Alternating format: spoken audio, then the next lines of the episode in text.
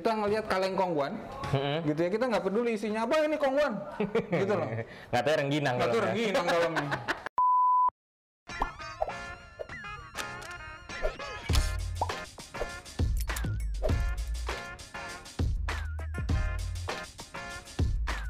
Oke, balik lagi sama gua Romdani Sidik di Ngejarah Ngemengin Sejarah. Kali ini gua kedatangan tamu istimewa nih. Doi itu mantan tahanan politik zaman Soeharto. Ngeri banget nggak? Gila kacau. Kendaru. Yoi. Saya melodi dong buat kawanan Ngejarah. Oke. Halo. Halo. Halo semua. Bang, hari ini apa ya? Makasih banget nih udah mau datang ke udah mau mampir lah Nah, sama-sama ke podcast ngejarah. Eh, anyway, Bang, yang gue tahu kan dari bio Twitter lu tuh Hmm. mantan tahanan politik Soeharto tuh. yoi Itu kenapa sampai kok lu jadi tahanan politik zaman Soeharto itu? ya Maksudnya yang bedain tahanan politik sama tahanan yang lain tuh apa tuh, Bang? jadi gini eh, sebetulnya nggak ada terminologi tahanan politik ya dalam sistem hukum Indonesia tuh nggak ada gitu. tapi karena kasus gua itu adalah kasus makar Oh, makar. iya jadi Wih. tuduhannya adalah tuduhan makar gitu ya. Jadi dakwaan di di surat dakwaan itu makar maka kemudian eh, sah gitu loh. Jadi kayak itu kayak semua orang yang dituduh makar gitu ya itu kemudian mendapatkan gelar gitu dalam tanda kutip Gelar tahanan, tahanan politik. politik, Oh. gitu loh jadi kasusnya sudah jelas kasus melawan pemerintah Oh, melawan pemerintah. Iya. Ngeri banget berarti ya. jadi eh, ada beberapa pasal di dalam KUHP gitu ya yang eh, memang dia ditujukan kepada yang disebut kejahatan melawan pemerintah. Hmm, hmm, hmm. Nah, gitu. Jadi kalau dikenakan atau didakwakan pasal itu, pasal-pasal Hmm. itu, maka kemudian orang yang didakwa seperti itu menjadi tahanan politik. Oh, begitu. Gitu. Jadi gue berlapis waktu itu. Jadi ada empat dakwaan Hmm. berlapis gitu ya. Eh, yang pertama menggulingkan upaya untuk menggulingkan pemerintahan yang sah. Pemerintahan sah Soeharto waktu itu. Nah, Soeharto Oh. waktu itu. Jadi eh, itu berdasarkan undang-undang darurat. Undang-undang Nah, lupa darurat. tuh, satu, satu tahun 50 berapa gitu loh. Hmm. Nah, terus eh, dakwaan yang kedua, ketiga, keempat itu berdasarkan KUHP. Hmm. Gua kenanya gitu ya di dalam vonis itu yang satu, dua, tiga tuh nggak terbukti, gitu ya. Yang keempat itu terbukti. Oh, terbukti. Nah, yaitu eh eh, menghasut, Oh, ngajak orang Ah. buat melakukan makar. bukan, Bukan. menghasut kebencian Oh. kepada pemerintah yang sah. Nah, gitu. Oh, eh, ujaran kebencian ya? Bukan oh bukan ujaran kebencian Bu- juga. Bukan, itu bukan ujaran kebencian seperti yang kita kenal sekarang, gitu ya, Oh. tapi kebencian terhadap pemerintah yang sah. Oh. gitu. Jadi pemerintah tuh nggak boleh dibenci lah gitu loh. Berarti harus diagung-agungkan. Ah, ah, Oh. gitu. Jadi gua kenanya itu menghasut gitu, menghasut. Ya Menghasut. bener gitu. Tapi, Memang, tapi emang bener ngasut. memang. Dan itu diakui di pengadilan gitu. Kami mengakui gitu secara terang-terangan gitu. Kalau kalau menghasut. Bahkan di pengadilan itu kami bilang ini pemerintahan ini tidak sah. Oh, gitu. Gitu loh. Kenapa tidak sah? Karena dia bukan pemerintahan yang dipilih oleh rakyat. Oh, oke, oke. Gitu. Dia pemerintahan yang dipilih oleh DPR. Mm-mm. DPR kan perwakilan rakyat. Dewan DPR Perwakilan kan, Rakyat. DPR kan hanya tahu nyanyian lagu setuju. Lagunya Iwan Fals itu loh. Itu itu benar begitu pada zaman itu gitu ya. Berarti Bahkan- emang lagunya tuh bener kondisinya waktu itu Eh, kayak memang, gitu ya? memang kondisinya waktu itu seperti itu gitu loh. Bahkan eh, tahun 78 kalau tidak salah ya, Ah. kalau tidak salah ingat itu Bung Hatta itu pernah berniat untuk maju sebagai presiden Mm-mm. gitu ya karena dia beliau kan melihat gitu ya ini Iya. kondisi Indonesia ini udah parah banget gitu ya. Itu Bung Hatta pun direpresi gitu loh. Direpresi Direpresi gitu loh. oleh aparat. Oleh aparat gitu loh. Gila. gitu. Proklamator direpresi ya. Proklamator, proklamator gitu loh. Jadi it- pada waktu itu yang mau mengajukan tuh P3 gitu. Ah, yang mau yang ngedorong Bung Hatta buat Ah, dari presiden. ah. Ah. Karena pada waktu itu ada perlawanan terhadap asas tunggal itu loh. Mm-mm, asas tunggal Pancasila. Ah. Oh. Nah itu, ah itu kemudian ada ada operasi Kopkamtip lah. Kop Kantip. Nah, pada waktu itu ada Kopkamtip gitu. Jadi memang istilahnya ini pemilu dan segala macam itu formalitas gitu. Hmm. Jadi gimana nggak formalitas gitu Kalau udah pegawai negeri nggak nyoblos Golkar gitu ya, Pecat. ketahuan bisa ketahuan siapa yang nggak nyoblos Golkar. Bisa bisa sampai segitunya ya? Iya, itu harus 100% di kantor-kantor pemerintah, di kantor pokoknya yang yang berhubungan dengan pemerintah tuh harus 100% Golkar. Kalau nggak 100% itu dicari, benar-benar dicari siapa yang Kacau, ini. kacau. Pecat gitu loh. Gitu loh. Nah, kayak gitu gimana gimana caranya ada istilahnya yang namanya bebas itu kan nggak nggak ada gitu loh. Nggak ada gitu loh. orang di bener-bener pemaksaan yang luar biasa gitu Hmm. tahun waktu gua kecil gue lupa itu pemilu 82 apa eh Kenapa tuh? enggak i- i- P3 menang di Jakarta Oh gitu. pokoknya tahun 80-an awal lah Mm-mm. P3 tuh menang di Jakarta. Habis itu operasi besar-besaran. Kampung-kampung, iya, RT RW diganti. Pokoknya harus Golkar yang menang. Harus ya? Golkar yang menang. Gokil. itu itu dulu gokil banget benar. Gitu. Berarti lu dulu aktivis ya berarti kalau gitu? Ah, gua kok agak ini ya dengan istilah aktivis itu ya. Agak-agak gimana gitu loh. Karena kan apa ya kalau kita ngelihat eh, konteks masa lalu ya yang yang berani menyuarakan kayak gitu kan ya golongan-golongan aktivis. gue sendiri nggak pernah mengklaim diri gue aktivis atau Hmm. apa gitu ya.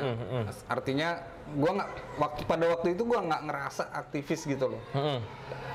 Gue cuman pengen berbuat sesuatu gitu ya dan kemudian ada channel untuk melakukan itu. Gue nemu channelnya untuk melakukan itu. Hmm. Dan eh, channel yang serius ya gitu loh. Karena ini lu kalau mau masuk kayak zaman sekarang gitu ya, lu mau berjuang gitu ya, lu akan di akan dibilang udah lo lakukan aja dulu apa yang yang terbaik buat lo kita mulai dari kecil-kecil dulu gitu ya kan gitu kan Iya, supaya benar. orang nggak takut ya gue mau masuk PRD Oh PRD dulu? Nah, PRD Oh gua. PRD. gue mau masuk PRD nih gue dikasih tahu lo siap ke 4B Apa tuh 4B? buru bui buang bunuh Buruh, bui, buang, bunuh. Nah, jadi lo harus siap diburu harus siap dibui harus siap dibuang gitu ya atau dibunuh Atau dibunuh. Nah, waktu itu ya namanya anak muda lagi pada lagi semangat semangatnya ya lagi hero heronya gitu. Wah siap. Siapa ya pokoknya udah. Nah, gua nggak tahu juga gitu kan konsekuensinya kayak apa pun itu siap aja udah pokoknya. gua nggak tahu juga gitu. Tapi yang jelas zaman dulu itu kalau lu mau serius lu bakal ditakut-takutin gitu. Oh. Lu serius nggak bener serius nggak gitu lo siap nggak resikonya gitu loh. Kalau sekarang kan nggak gitu semua orang ayo berani aja dulu gitu loh kita kerjain dulu yang kecil-kecil Ah. gitu ya.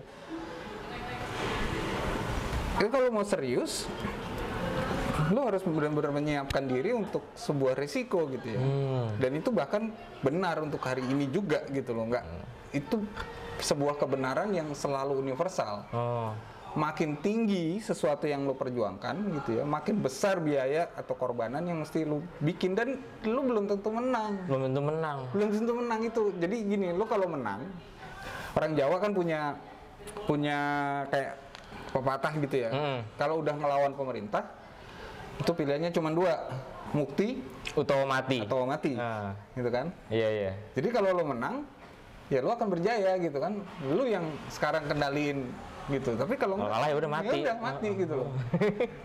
gitu. Nah sekarang makanya gue bilang kalau yang sekarang aktivis nggak ngelawan pemerintah gitu loh. Ngelawannya apa tuh? Nggak tahu apa yang mereka lawan. Soalnya nggak ada risiko gitu loh. Itu ditangkap dulu tahun berapa tuh? Di sidang kemudian akhirnya ditetapkan sebagai tahun tahanan politik. Gue ditangkap tuh tahun 96. 96. Oh, berarti sebelum reformasi ya? Iya sebelum. Sebelum. Sebelum. kan tahun 96 itu eh, ada perlawanan PDI Megawati ya. Oh iya, Zaman dulu belum PDI Perjuangan tuh namanya masih PDI Megawati. kuda tuli berarti ya. Ah, ah. Kuda Tuli kan 27 Juli. Juli. Nah itu dua hari sesudahnya PRD dinyatakan sebagai Partai terlarang. partai terlarang gitu ya, dinyatakan sebagai biang kerusuhan 27 Juli, Hmm. kemudian diburu. Hmm. Kira-kira sebulan kemudian gue ketangkap Hmm. gitu. Bareng siapa aja tuh kira-kira dari PRD? Gue ketangkap sendirian, gue gue ketangkap duluan. Oh, tapi yang anggota apa kawan-kawan PRD yang lainnya ada yang ketangkep juga banyak. Kalau yang sleting gitu ya, Iya. sleting gitulah sama gue ya ada sembilan. Sembilan. Nah, Termasuk Budiman juga. iya. Termasuk Budiman. Berarti liatin sama Budiman. Budiman, Petrus, Oh. eh, Pranowo, Iwan, eh, Rosso, Garda, eh, Victor, Putut, Hmm. eh, Anom, Sampai sekarang masih Wilson. sampai Sembilan. sekarang, sekarang masih hidup semua orangnya bang. Masih? Masih hidup semua. Berarti emang nggak ada yang dihukum mati ya? Nah, gitu? eh, itu jadi gini. Hari ketiga gua di dalam tahanan, Mm-mm. gitu ya. Hmm? Itu dari luar, gua dengar keributan di luar sel gua, gitu ya. Itu ada beberapa orang yang marah-marah, Hmm. gitu loh. Ini. Siapa yang bocorin kalau orang-orang ini ada di tangan kita? Orang-orang ini maksud tuh Maksudnya, maksudnya ini Geng-gengan lu? Ah, ah. Oh. Siapa yang bocorin gitu loh? Ini sekarang dunia eh, internasional udah udah tahu. udah tahu nih gitu loh. Nggak bisa lagi kita hilangin. Waduh, berarti emang ada rencana mau dihilangin. Kalau Serem banget. gua langsung ini dong, langsung berdoa dong. ada ada rasa ketakutan lah di situ ya. Ada rasa ketakutan. ada Ada. di kalau di film-film perang dunia kedua tuh Eh. suka dibilangin there is no atheist in the foxhole. Wih. Gitu. Jadi kalau lu udah di bawah hujan peluru, Eh. lu pasti berdoa. lu mau ateis mau apa gitu ya, lu udah di bawah ancaman bedil di bedil di Kepala. kepala gitu, Ya udah. lu pasti berdoa gitu. Pasrah udah. Eh? Pasrah. Ya kita hedging the bet aja gitu ya, jadi jadi siapa tahu gitu, siapa tahu ada gitu. Gue udah berdoa itu udah tempel di sini. Iya soalnya kalau kalau kita ngeliat ya, eh, maksudnya dari beberapa referensi yang pernah gue baca gitu kan, ini eh, banyak nih ya aktivis-aktivis dulu yang diculik-culikin, terus ya kemudian hilang udah, entah entah entah itu hilang dibunuh atau emang ada yang bilang ya dia di, dicor terus dibuang ke laut, ada yang bilang ditembak terus mayatnya dibakar biar nggak ada kesisa gitu kan. Banyak kan yang kayak begitu, makanya tadi gue nanya lu berarti termasuk orang yang bakal dihilangkan kan waktu itu. Iya. Tapi ya untungnya dunia internasional udah ketahuan kan. untungnya cepat gitu untungnya cepat gitu jadi eh, jadi gini eh, apa itu salah satu salah satu salah satu hal yang mungkin agak ini ya dengan dengan zaman sekarang itu Hmm. reaksi solidaritas antar kelompok dalam gerakan tuh cepat Hmm. gitu loh. Jadi eh, memang memang pada waktu itu memang bukan bukan kebetulan juga karena mem- memang pada waktu itu kita sudah punya yang namanya eh, oposisi oposisi Indonesia kalau nggak salah oposisi Indonesia atau Majelis Rakyat Indonesia gitu loh. Hmm. Jadi memang memang aliansinya itu udah udah terbentuk gitu ya, networknya tuh udah jalan gitu ya, sehingga ketika salah satu kena gitu ya, ini network ini bisa langsung kerja gitu loh.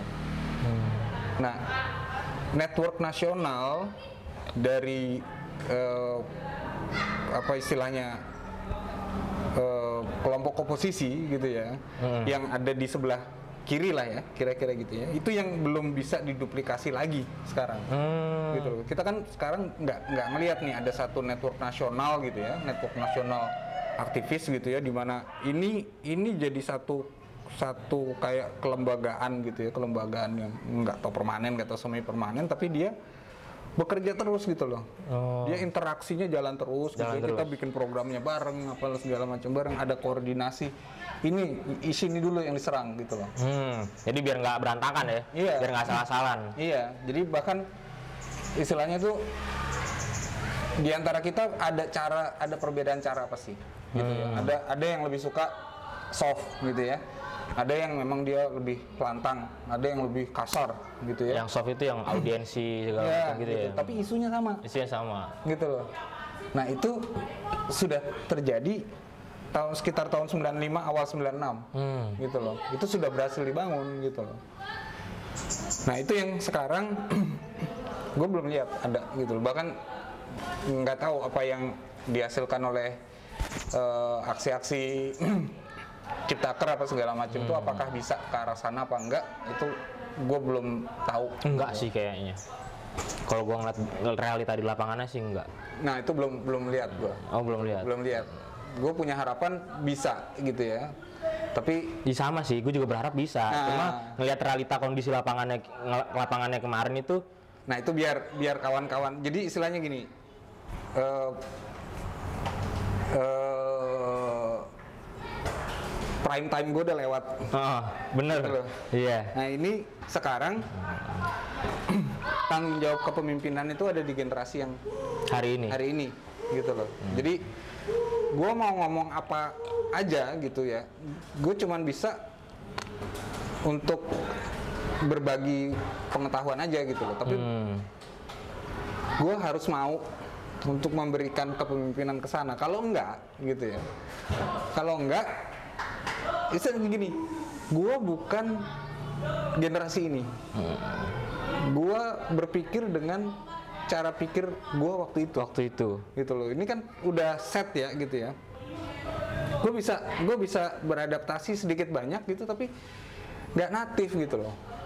Gitu. Sama kayak orang berbahasa Inggris ya, gitu. Oh, yang orang yang dari kecil dia berbahasa Inggris, lancarnya beda sama kita yang Iya. sekalipun belajar mati-matian gitu ya. Tetap aja ngomongnya. Dari SD sampai eh, SMA, sampai eh, kuliah. sampai kursus juga belum. Oh, beda kan? Beda, Nah, bener. Ini generasi yang sekarang adalah generasi yang natif gitu. Ini problem problemnya natif problem mereka gitu loh.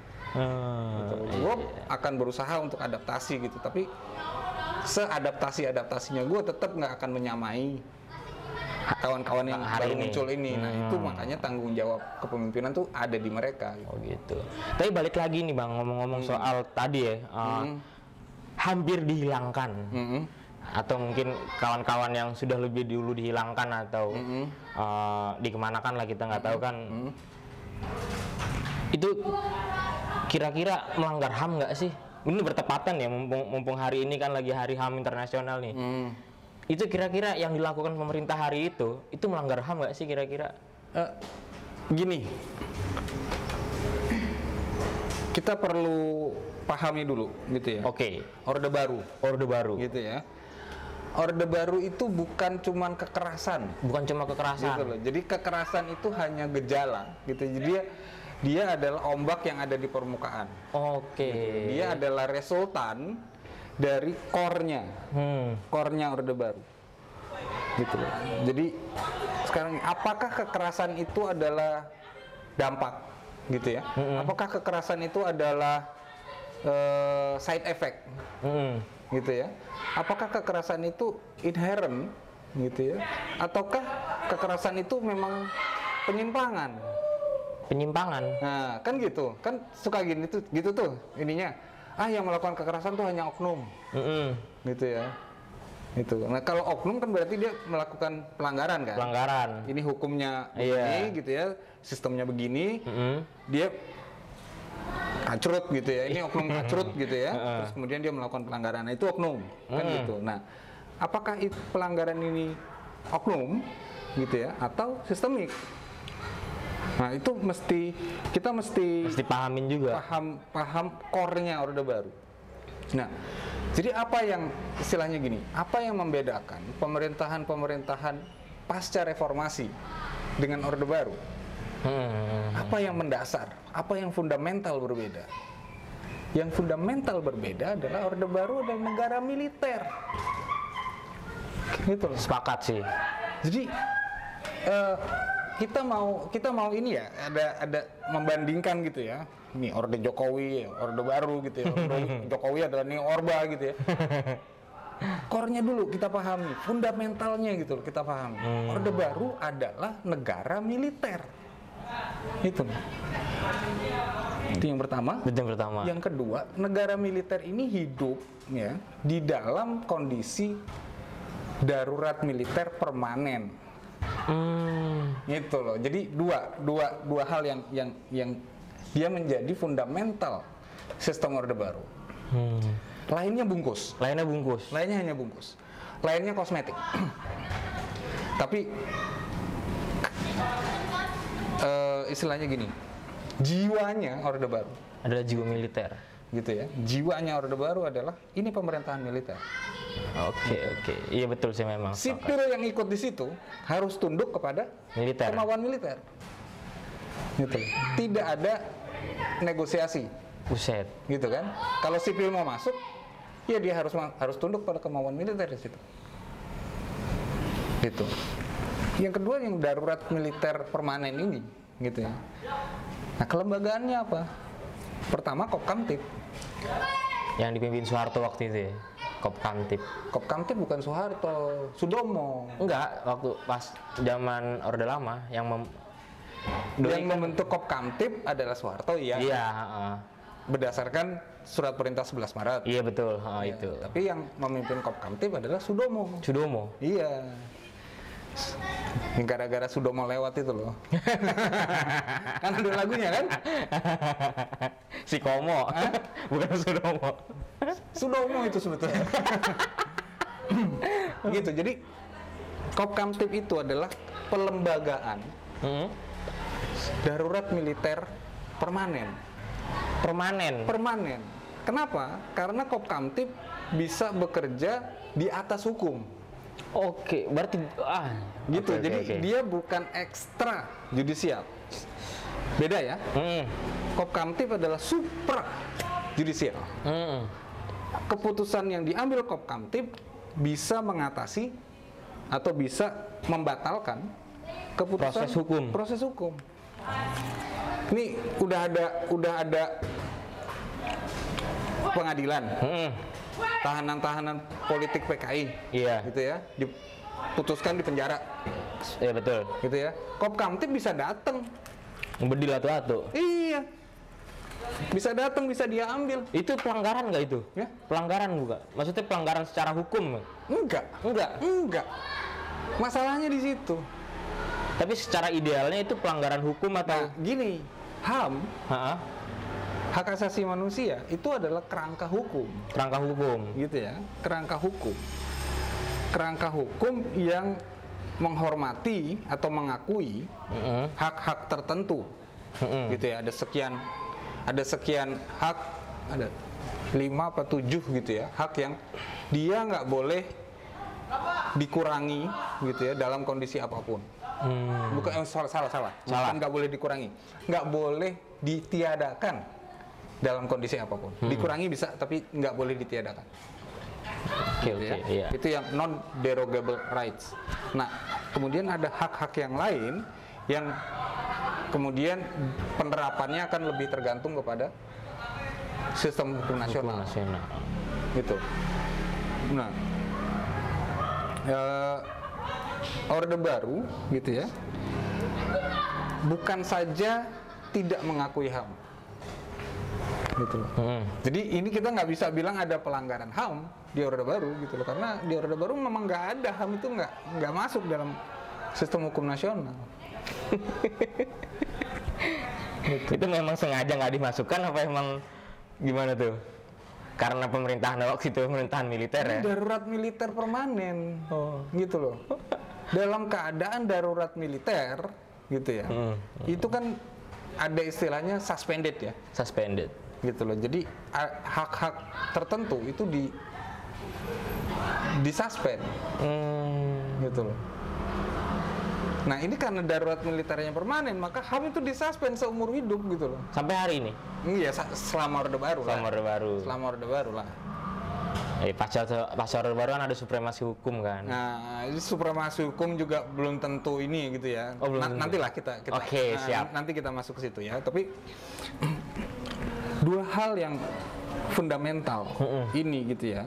Ini yang harus dilihat kalau orang mau bicara apakah pemerintahan yang sekarang gitu ya itu termasuk bagaimana kita melihat pemerintahan yang selanjutnya atau yang sebelumnya gitu ya. Kalau kita mau membandingkan misalnya SBY dengan Orba, Mm-mm. ya SBY bukan Orba Bukan. gitu loh. Kenapa? Karena secara core gitu ya, secara jiwa gitu ya, dia bukan pemerintahan militer gitu ya. Dia ada supremasi sipil. Ada supremasi sipil. Walaupun SBY backgroundnya militer. Walaupun ya, gitu ya. Mm-mm. Jadi walaupun dia presiden dari militer tapi dia menghormati supremasi sipil. Oke, boleh gitu loh. Dia bukan nih Orba. Jokowi juga gitu. Kita ngelihat Jokowi atau nanti habis ini siapa gitu ya. Kita ngelihatnya apa? Gitu loh. Nah, tapi kan akhirnya Jokowi hari ini dibilang ya Orba. Nah itu, itu yang kemudian eh, orang nggak bisa membedakan kulit dari isi gitu loh, Hmm. gitu loh. Eh, kita ngelihat kaleng kongguan, Mm-mm. gitu ya kita nggak peduli isinya apa ini kongguan, gitu loh. Nggak tahu rengginang Nggak nggak. rengginang dalamnya, gitu loh. Tapi kita nggak nggak bisa membedakan kulit dari isi gitu loh. Hmm. Ada orang, saya gini, itu kan sama kayak misalnya, aku ngelihat ada orang gaplok gitu ya. Hmm. oh gitu terus kemudian oh ini pelanggaran gini gini, gini. Hmm. kita kan mesti ngelihat dulu Kenapa dia digaplok? kenapa digaplok gitu ya Iya betul. Jadi siapa tahu orang itu tadinya pingsan gitu ya Supaya sadar. kayak sadar digaplok gitu atau orang itu tadinya mabuk gitu ya mau ngapain terus digaplok gitu Hmm. jadi orang kan hanya ini kebiasaan nih kebiasaan orang sekarang nih mungkin ini karena budaya instan ya budaya, budaya instan gitu kita kita ini makhluk pemakan im- semua gitu jadi kita cuma ngelihat satu potong gitu ya satu potong gambar gitu ya kadang kita cuma ngelihat satu tweet gitu ya, terus Iya. komentar gitu di situ wow nggak ngelihat orang ini eh, runtutannya gimana sih Iya, iya, gitu loh. iya, iya. sampai ke tweet ini tuh runtutannya gimana sih Ah. orang ini biasanya gimana gitu ya tapi kita hujat aja gitu itu bermodal satu tweet doang gitu loh Eh. gitu loh nggak nggak orang nggak nggak peduli bahwa tweet ini punya konteks Oh. gitu kan dia nggak benar-benar. ke belakangnya gitu loh ini sikap-sikap anti historis ini gitu ya aku aku menyebutnya sikap anti historis gitu ya karena dia nggak mau ngelihat konteks Hmm, paham, Gitu. Oke, oke. Nah, itu tadi isinya gitu loh, isinya dia eh, Orde Baru itu adalah pemerintahan militer. Hmm. Setiap keputusan politik harus direstui Harus direstui oleh militer, oleh militer. gitu. Kalau nggak direstui, Nggak direstui, nggak bakal nggak bakal jadi, nggak bakal jadi. gitu. Kebijakan apa pun itu. Kebijakan apa pun, dan bahkan lebih jauh lagi, gitu ya, harus direstui oleh Soeharto. gitu loh. Gitu. Jadi eh, Indonesia ini kan agak unik ya, agak dia unik di antara pemerintahan-pemerintahan militer yang banyak tumbuh di berbagai belahan dunia tahun 80-an, 90-an. Hmm. Atau dari tahun 70-an lah. Kebiasanya pemerintahan-pemerintahan militer ini secara terang-terangan menyatakan dirinya sebagai junta militer Hmm. ya. dan kemudian eh, mendirikan satu junta. Jadi junta itu sebenarnya artinya dewan. Dewan. Ada dewan militer gitu ya yang terdiri dari entah biasanya ganjil jumlahnya tiga jenderal atau lima jenderal Hmm. gitu ya yang terdiri dari eh, ketiga angkatan angkatan udara Darat, laut, eh, udara. darat, laut, udara gitu loh. Nah, Soeharto ini beda gitu. Orde Baru ini beda dari eh, pemerintahan-pemerintahan militer yang lain. Dia tidak menyatakan dirinya sebagai junta. Gitu. Dia mengklaim dirinya tetap Pemerintahan, pemerintahan sipil. sipil, demokratis. Demokratis. Ada pemilu.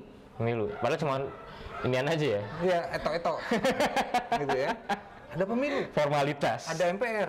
Ada MPR. Tapi semua dia kendalikan. Eh. Gitu loh. Kalau dia nggak mau orangnya ini nggak mau dikendalikan hilang.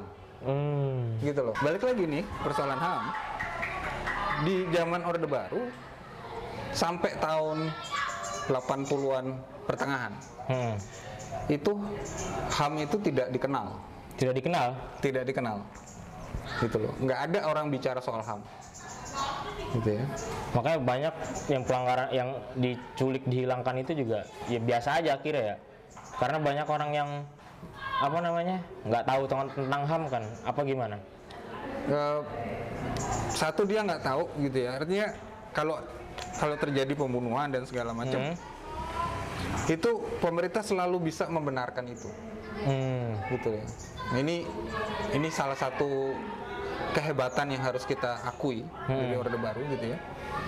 Seluruh media itu dikontrol Hmm. oleh pemerintah. Gitu. Jadi eh, ya kalau nggak mau tunduk ya bredel, Bredel Ah, ah, tutup